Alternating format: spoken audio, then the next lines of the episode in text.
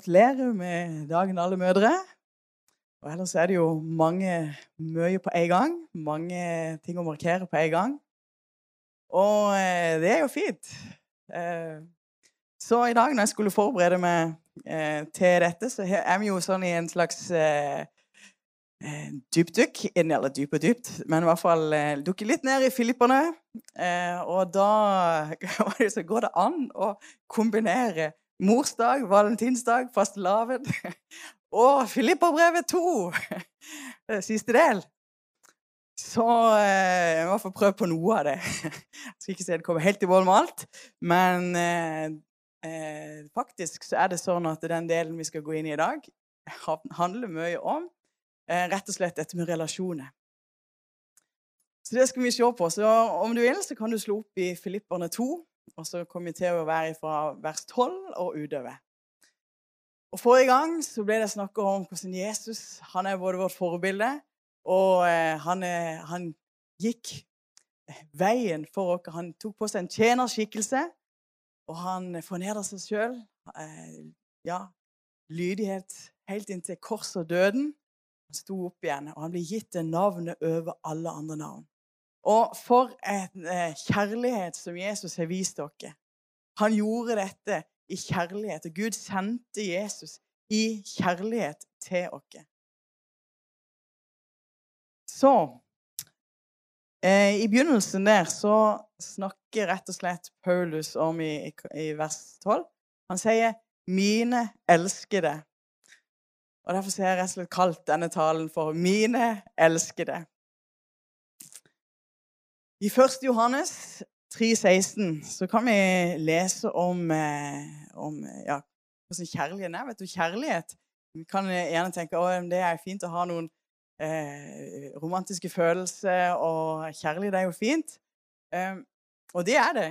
Men kjærlighet er jo utrolig djup. Og når en ser hva kjærlighet innebærer i forhold til hva Jesus har gjort for oss, som et forbilde på det, så skjønner en at kjærlighet det er mye dypere enn eh, noen blomster på bordet, selv om det òg er bra. Eh, og Derfor er det Skal vi lese 1. Johannes 3, 16, så der står det På dette har vi lært kjærligheten å kjenne, at han satte livet til for brødrene, for oss. Også vi skylder å sette livet til for brødrene. På dette har vi lært kjærligheten å kjenne, at han satte livet til for oss. Også vi skylder å sette livet til for brødrene. Og det setter jo på en måte dette i perspektiv. Ja, Jesus, hans kjærlighet til oss, den er så enorm. Og jeg vet at du skal vite det, at Jesus sier i dag til deg, 'Min elskede'. Jesus ønsker bare å vise sin kjærlighet til deg i dag og si, 'Du er min elskede'. Han har satt sitt liv eh, til for, for deg fordi at han elsker deg. Og da står det jo at ja, men da òg er det et forbilde på hvordan vi kan eh, vise kjærlighet til de vi har rundt. Ja. Eh, så det første punktet da er rett og slett verdsett. Verdsett. Sliden kom opp her. Så, men i hvert fall så ser vi at Paulus han verdsatte eh, de som han hadde rundt seg. Han sa 'mine elskede'. Det var, det var jo én ting. Men han er også, i dette avsnittet som, som, vi snakker om her, så nevner han både Timoteus og en som heter Epafroditus. Og Timoteus sier han eh, eh om at det fins ingen som han. Han er, Det er ingen likesinnede som han. Eh, og, eh, og, virkelig verdsette, vise, vise dem hvordan han verdsetter Timoteus.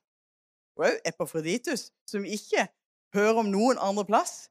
Som var på en måte, Det var ikke akkurat han som ble nevnt mest, men, men eh, og var kanskje sånn i skyggen av mange ting som skjedde. Men Paulus han verdsatte Epafroditus, og han sa han er min bror, han er min medarbeider, han er min medstrider. Og eh, vi skal komme tilbake igjen til det. Men vise hvordan han bare verdsatte de som han hadde rundt seg. Og i dag er jo en sånn en dag som vi kan verdsette. Ja, verdsette mødre. Og verdsette de en er glad i. Og jeg tror ikke vi kan få gjort det nok. Og du kan gjøre det med ord, du kan gjøre det med blomster, du kan gjøre det med, med gjerninger. altså Du kan vise det på forskjellige måter at du er glad i det. Jeg tror det er så viktig at vi faktisk gjør det. Og ikke tenker at ja, nei, de har jo hørt det før, eller de vet jo det, at vi er glad i det. Men faktisk at du setter ord på det og eh, sier at men jeg er glad i det. Og gjerne òg foran noen andre. Til å verdsette de du har rundt deg. Kanskje de òg som ikke blir sett, sånn som er. Kunne verdsette de. Punkt to. Det vi kan lese her, så trenger vi Guds hjelp. Ja, det står i Filippene 2,13.: For Gud er den som virker i dere, både å ville og å virke til Hans gode behag. Og det er jo sånn at vi har fått faktisk Den hellige ånd. Alle som tror på Han, vi har fått Den hellige ånd i våre hjerter. Og Den hellige ånd er meint å være til vår hjelp. Vi fikk Den hellige ånd sånn at eh, han kunne lede oss og hjelpe oss, gi oss råd, vise oss forskjellige Ja, hjelpe oss i forskjellige situasjoner. Og det står òg da at eh, Gud er den som virker i dere, både å ville og virke til hans gode behag. Og jeg tror det er så viktig òg i relasjoner. Vi har forskjellige typer relasjoner. ikke sant? Det er ektefelle, og det er barn, og det er foreldre, det er til venner, det er til, ja, til naboer, til arbeidskollegaer. Det er forskjellige typer relasjoner. Og av og til så kan det rett og slett være litt vrient å skulle vise kjærlighet til de en har rundt seg. Noen ganger så er det faktisk de som er nærmest, men kanskje blir mest frustrert på og irritert på. Men da ønsker jeg, når vi leste dette her, så sier jeg nei, men vet du, vi har fått Den hellige ånd, som òg kan hjelpe oss i de situasjonene. Og jeg skal bare minne oss på, alle sammen, at eh, til å, å eh, be og til å eh, legge det fram for Gud de, når det er vanskelig, når det er ting som er vanskelig å skulle helt vite Hva skal jeg gjøre? Jeg vet ikke. Skal en gjøre det eller det? Men så vet vi ja, men Gud han ønsker å hjelpe deg. Gud ønsker å være med deg, òg i de vanskelige situasjonene. Òg da de virkelig satt seg fast, og den kjørt seg fast relasjonelt. Det å da kunne be alene, men hadde vært fantastisk òg, sammen, be sammen om hjelp. Gud, hjelp oss. Hellige Ånd, Hjelp meg i disse situasjonene. Ofte i forbindelse med vielse og sånn, så nevner en gjerne det eh, skriftstedet fra Forkynnerne 4.12, som det står En tretvinnet tråd ryker ikke så fort. Og da vet en jo at ja, men det er jo de to. Men det er en tredje tråd. Og det er jo Gud som er den tredje tråden. Og når en har Gud med, så blir det sterkere. Og Gud vet vi òg er kjærlighet. Og han ønsker at vi skal ta med han og hans kjærlighet med inn i relasjoner. Og Det kan en gjøre inn, inn, i ekteskap, men òg i andre typer relasjoner. Ved at når en tar Gud med, så blir det sterkere. Punkt tre, som jeg fant ut ifra, disse versene Eh, det er Det står 'gjør alt uten knurr og tvil'. knurr og tvil. Jeg vet ikke om du er en som er knurrer. Det er kanskje ikke det ordet vi bruker best. Men eh, andre oversettelser oversetter det med klage og diskutere, krangle. Og det står i eh, det var Hverdagsbibelen eller Leve nå, så står det 'gjør alt dette uten å klage og diskutere'. Filippane 2, 14. Og vet du, vi i Norge, vi som er ja, i et av verdens beste land å bo i, er det ikke rart at vi òg kan Ja, det er så mye å klage på. Det er så mange ting som vi kan, men som klager på og sier at ja, det skulle vært bedre, og det var den sin skyld, og sånn, sånn, sånn er det. Men det å da kunne si at vi heller gjør dette her uten å klage, uten å diskutere, men vær takknemlige. Vær takknemlige Selv om situasjonene kanskje kan være vanskelige. Jeg slo opp litt du, på dette med klaging.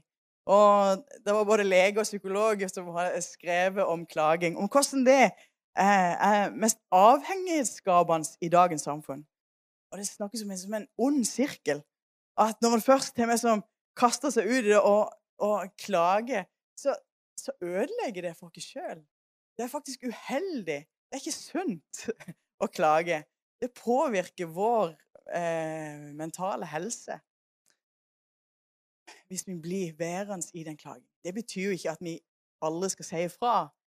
Det er forskjell på det. Men en kan ha, få en mentalitet av å klage, legge skylda på andre. Si at da det, det og det skulle vært bedre. Og en blir liksom aldri fornøyd. Men Gud ønsker at vi skal kunne være sånn som er takknemlige. Eh, og gjøre ting uten å skulle klage og diskutere og krangle om forskjellige ting. Og jeg tror det faktisk er en veldig hemmelighet òg i relasjoner. Kanskje spesielt innenfor eh, de fire veggene eh, innenfor familien. Det å kunne gjøre noen ting uten at en må liksom krangle på det eller klage på det 'Å, har du ikke tatt den oppvasken? Har du ikke gjort det?' Så kan vi istedenfor være takknemlige for å se på de tingene som faktisk vi kan være takknemlige for. Eh, neste punkt som vi kan se her Vi kunne ha snakket mye om klaging og ikke klaging, for å si det sånn. Men eh, så snakkes det om eh, det å være glade og glede. Ja, vi vet i hele Filipperne så snakkes det om å glede. Glede i Herren alltid.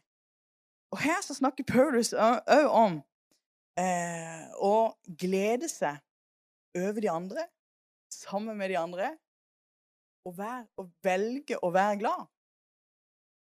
I Filippene 2, 17 og 18 så står det om Men om jeg òg blir ofret når jeg gjør altertjeneste og bærer deres tro fram som offer, så er jeg glad og gleder meg sammen med dere alle. Gjør så dere det samme. Vær glade og gled dere sammen med meg. Det å kunne Ja, vi vet at Paulus han la ned sitt liv. Og det er dette det er snakk om. Dette her, Vi skjønner kanskje ikke helt hva det er sånn, dette med å ofre. Bli ofra når jeg gjør altertjeneste. Men han peker på eh, ting som er fra Det gamle testamentet, og som betyr at han la ned sitt liv. Han la ned sitt liv som et, som et offer.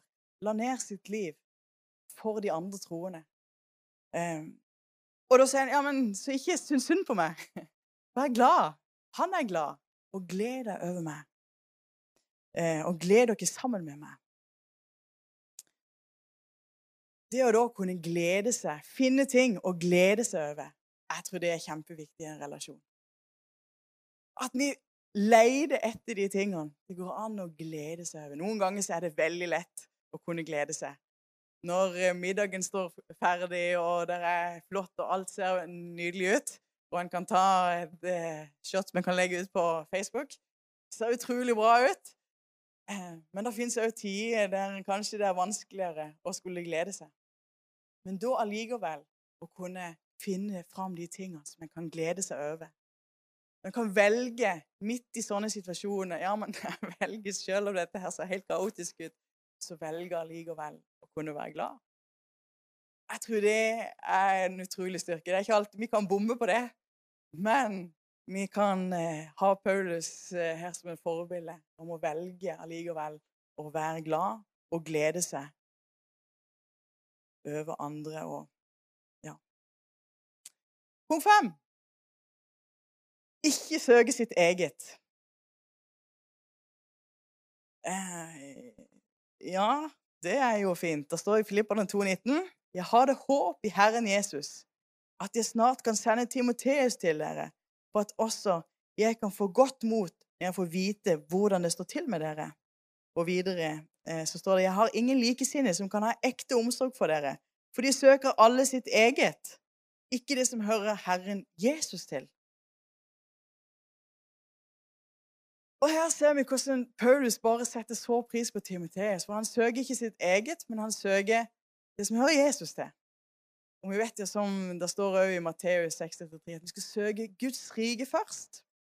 Og så skal vi få alt andre til. Og det er jo, som kristne så kan vi se opp til han og søke hans rike først.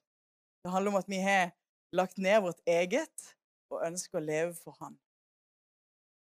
Men jeg tror dette òg har noe å bety inn i relasjoner. Dette med at det ikke en setter seg sjøl først, men har den andres beste for øye. At en søker de andres eh, ja vel, og ja, å kunne gi det beste til de andre.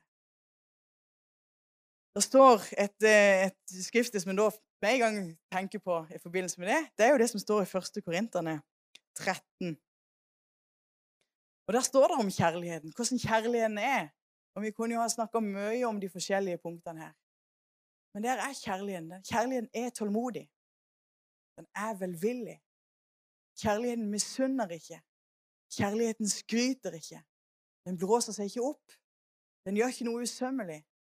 Søker ikke sitt eget. Blir ikke bitter. Gjemmer ikke på det onde. Den gleder seg ikke over urett, men gleder seg ved sannhet. Den utholder alt, tror alt, håper alt og tåler alt. Noen vanvittige gode ord om kjærligheten. Hvordan kjærligheten er. Da kjærligheten ikke er egoisme, og så lenge det passer meg, så lenge de gjør sånn som jeg vil, eller sånn som det ville være greiest for meg, så skal jeg nok eh, vise kjærlighet tilbake. Men som setter kjærlighet til et helt annet, annet perspektiv. At kjærligheten, den søker ikke sitt eget. Den ønsker den andre vel. Den ønsker andre det beste. Og det er jo noe virkelig å ta med seg i relasjoner. Om det er i forhold til vennskap, i forhold til søsken, i forhold til ektefelle, i forhold til barn eller foreldre. Det å kunne òg da vise kjærlighet og søke den andres beste. Punkt seks. Det står om prøvet troskap. Filipperne 2, 22-23. Men hans prøvede troskap kjenner dere. Som en sønn hjelper sin far, slik har han stått sammen med meg i tjenesten for evangeliet. Han håper jeg da å kunne sende så snart jeg får vite hvordan det går med min sak. Her snakker han videre om Timoteus. Vi vet at han, eh, Tidligere så han snakket om Timoteus som hans sønn. Ikke som en ekte sønn, sånn, men som en sønn i troen. Og her òg så, så, viser han hvordan han setter pris på eh, Timoteus sin prøvede troskap. Timoteus hadde vært med Paulus i tykt og tynt gjennom mange forskjellige ting. Det kan ikke ha vært like lett alltid å skulle følge med Paulus. Han opplevde jo ganske mye forskjellig. Eh, og det står jo at han ja, han har fått flere slag, han har ofte vært i fengsel, han har ofte vært i dødsfare. Han har fått, eh, Av jødene så han har fem ganger fått 40 slag på ett nær. Tre ganger har jeg blitt gitt eh, stokkeslag, én gang steiner, tre ganger har jeg lidd skipbrudd. Ett døgn har jeg vært i dypet, og hun kunne fortsatt. Fare der og fare der. Så mange ting som Paulus gikk igjennom. Og så ser en at Timoteus var en av de som sto med, og som eh, virkelig hadde vært trofast. Og det var en sånn prøve av trofasthet. Det var ikke bare når det var glansdager og veldig bra, men han sto òg med når det var tøft. Og kanskje til og med Vi hører jo om at de kristne òg vendte seg eh, periodisk vekk fra Paulus. Kanskje de en skulle ha venta skulle stå opp for Paulus. De eh, begynte å snakke og eh, ikke var foran. Men Timoteus han sto med. Det er noe med det å eh, stå med. Trofasthet gjennom forskjellige sesonger. Trofasthet når, både når det går opp, og når det går ned. Når det er ja, både gode og onde dager. Å kunne være trofast. Sånn en relasjon som går gjennom de forskjellige tingene, blir utrolig sterk. Og vi ser at Timoteus sin karakter Han holdt ut igjennom prøvelse. Han holdt ut, og han hadde bare Han holdt fast uansett. 'Nei, jeg skal backe deg, Paulus. Jeg skal stå med deg. Eh, jeg er her og hjelper deg.' Det står som en sønn hjelper sin far. Så gjorde Timoteus. Han hjalp Paulus som han skulle være sin far, og hjalp han. Det er noe med det å kunne stå gjennom noen stormer, og òg i de relasjonene en har. Og det å da kunne si ja, akkurat nå så ser det kanskje vanskelig ut. Men, Og det kan være det stormer både her og der, men allikevel ha en holdning at ja, men jeg vil. Jeg vil stå med. Jeg vil være trofast. Jeg vil stå. Selv om det skulle være tøft. Da vil du på andre sida kunne kjenne en sånn en styrke. Siste punkt. Punkt sju. Da eh, står det om bror, medarbeider og medstrider. Ja, Det kunne jo sikkert vært tre punkt, bare det. Men det står i hvert fall om Epafroditus, han som vi ikke har hørt om før eh, noen plass. Det står bare om han her. Men så snakker Paulus om han um, i Filippene 2, 24 og 25. Men jeg har den tillit i Herren at også jeg selv snart, skal komme. Jeg fant det likevel nødvendig å sende Epafroditus til dere. Han er min bror og medarbeider og medstrider, som dere sendte for å gi meg den hjelpen jeg trengte. Her ser vi noe som Paulus omtaler Epafroditus som bror, medarbeider og medstrider. En som virkelig var til hjelp, en som virkelig var en sånn en bror som støtta. En som virkelig var med og arbeide sammen med Paulus. Og stride faktisk sammen med Paulus. Det er godt å kunne ha noen som en kan stå sammen med. Og viktig, faktisk, å kunne ha noen som en kan stå sammen med.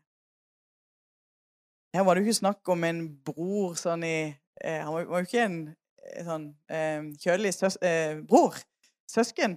Men eh, gjennom at en har tatt imot Jesus, så har vi jo fått en ny familie. Brødre og søstre. Og jeg tror det er noe stort i det som vi egentlig skulle ha dukka mye mer inn i. I forhold til at eh, vi står faktisk i et, eh, et unikt forhold til hverandre. Der Jesus er vår, vår bror, eh, og vi er, eh, ja, vi er hverandres brødre og søstre. Gud er vår far. Og hans kjærlighet, den skal være med å prege våre liv og i våre relasjoner. Så at vi kan verdsette hverandre. At som, som vi vil gjøre i forhold til en bror eller søster, så vil vi, vi, vi vil stå opp for ham. Uansett om han kanskje har gått på trynet, så vil vi si nei, men vi er likevel glad i, i både broren og søstera. Vi er likevel glad i våre søsken. Den samme holdninga trenger vi ha til hverandre. At vi stiller opp og kan eh, være med og bare vi heier likevel på våre brødre og søstre. Jeg tenkte på denne her, så slo det meg med en gang med at eh, ja, David og Jonathan er jo et sånt eksempel. Der eh, Jonathan han var jo sønn av kong Saul. Og det var han som skulle i grunnen ha arva eh, kongedømmet. Og han som skulle ha blitt konge etterpå, sånt, eh, det ville jo vært eh, det vanlige. Men så var det jo sånn at, at eh, Gud, han salva David. David ble salva til konge. Eh, og det er jo utrolig da å lese hvordan Jonathan tok det. Hvordan han, eh, i det vennskapet som var mellom eh, Jonathan og David, Altså, det var noe helt unikt. Og vi skal lese bare fra første Samuels, eh, Samuels bok 18, altså 1-4. Etter Davids samtale med Saul ble Jonathans sjel knyttet til Davids sjel. Jonathan fikk ham kjær som sitt eget liv. Samme dag tok Saul ham til seg. Han lot ham ikke få mer, eh, mer få vende tilbake til sin fars hus. og Jonathan gjorde en pakt med David, fordi han hadde ham kjær som sitt eget liv. Jonathan tok av seg den ytterkappen han hadde på, og, på den, og ga den til David. Likeså krigsklærne sine, ja, også sverdet og buen og beltet. Vi ser hvordan Jonathan han eh, forplikta seg til å stå med eh, Davids side. Egentlig skulle jeg jo trodd at, eh, at, Jonathan skulle bli David Davids eh, verste fiende. Istedenfor så De hadde et vennskapsbånd, og det var kjærlighet eh, Ja, som en broderkjærlighet mellom dem. Og, eh, og, og Jonathan forpliktet seg til å stå ved Davids side. Ja, de inngikk faktisk en pakt, og som, eh, som er utrolig sterkt. Det er mer enn en avtale, men de gikk inn i det med, med hele seg. Og Det står at han hadde han kjær som sitt eget liv. At han ville beskytte David som sitt eget liv. Ja, Jonathan han ga til og med David sin beskyttelse gjennom at han ga jo eh, sin ytterkappe og krigsklærne og sverdet og buen og beltet. Han ga David det beste han hadde.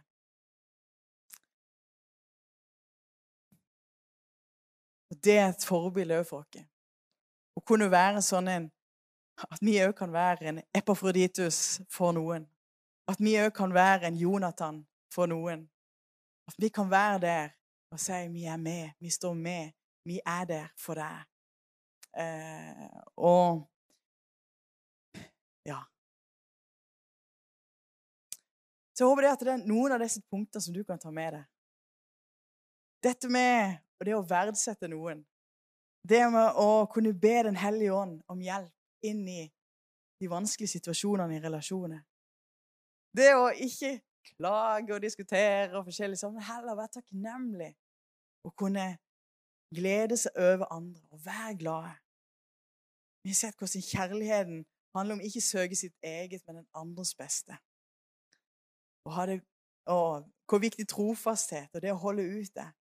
Prøve troskap. Hvor utrolig viktig og verdifullt det er.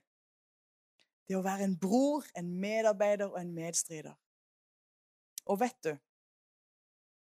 Uansett hvordan din situasjon eller ditt liv måtte være Og vi kan kjenne ja, vi, vi når ikke opp til alle disse tingene. Vi ønsker å strekke oss mot det, og vi ønsker å være det. Men vet du, det er en som sier 'min elskede' til deg i dag. Det er en som har gitt deg av sin Hellige Ånd. Det er en som verdsetter deg så utrolig høyt. Det er en som gleder seg over deg. Ubeskrivelig. Han jubler over deg. Han elsker deg. Han vil vise sin Han viste sin kjærlighet til deg, og at han la ned sitt liv for deg. Han ga sitt liv for deg. Han ble prøvd i alt. Han ble korsfesta for at du skulle få liv. Og han er din bror. Han står med deg, og han vil kjempe sammen med deg. Stå sammen med deg i de kampene som du måtte ha. Og han kjemper for deg. Han strider for deg. Han vil beskytte deg, og han vil gi deg alt fordi han elsker deg. Skal vi ta og be sammen? Takk, Jesus, for at du elsker oss. Takk for at du, Herre, elsker hver ene som ser eh, dette i dag, Herre. Og du ønsker bare å nå inn til våre hjerter. Jesus, takk for vi kan få lov å åpne våre hjerter for deg og si velkommen inn. Velkommen inn til at du får bare gjøre en forandring der det trengs. At du vil virke i våre liv. Sånn at vi i møte med relasjon, i møte med de vanskelige tingene, så kan vi få lov å kjenne at du gir oss hjelp. Du hjelper oss der det er vanskelig, Herre. Få lov å søke deg.